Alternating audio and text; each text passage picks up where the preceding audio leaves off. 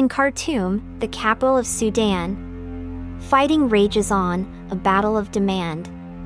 For rival military factions clash, leaving hospitals empty, resources to ration and stash. Only 5 out of 59 remain, functioning in a fragile state of pain. A senior doctor speaks out in distress, painting a picture of chaos and duress. Dr. Ahmed Abbas, a man of great heart, shares with the BBC the deeper part of what's happening in his homeland. A tragedy that needs a helping hand. The hospitals left are overwhelmed.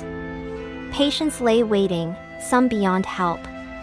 Treatment is scarce, medical staff thin. As the war rages on, there's no real win.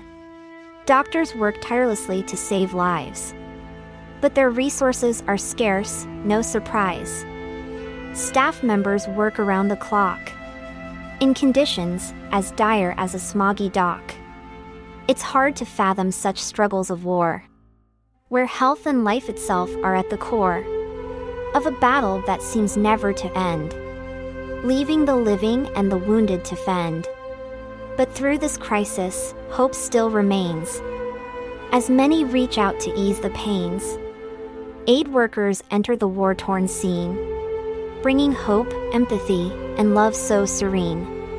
Only 5 out of 59, it seems, are functioning in a city of broken dreams.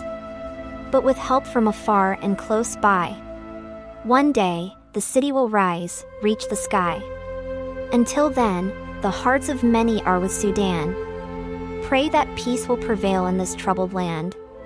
And one day, when the war is just a memory, the 59 hospitals will again shine like glorious jewelry.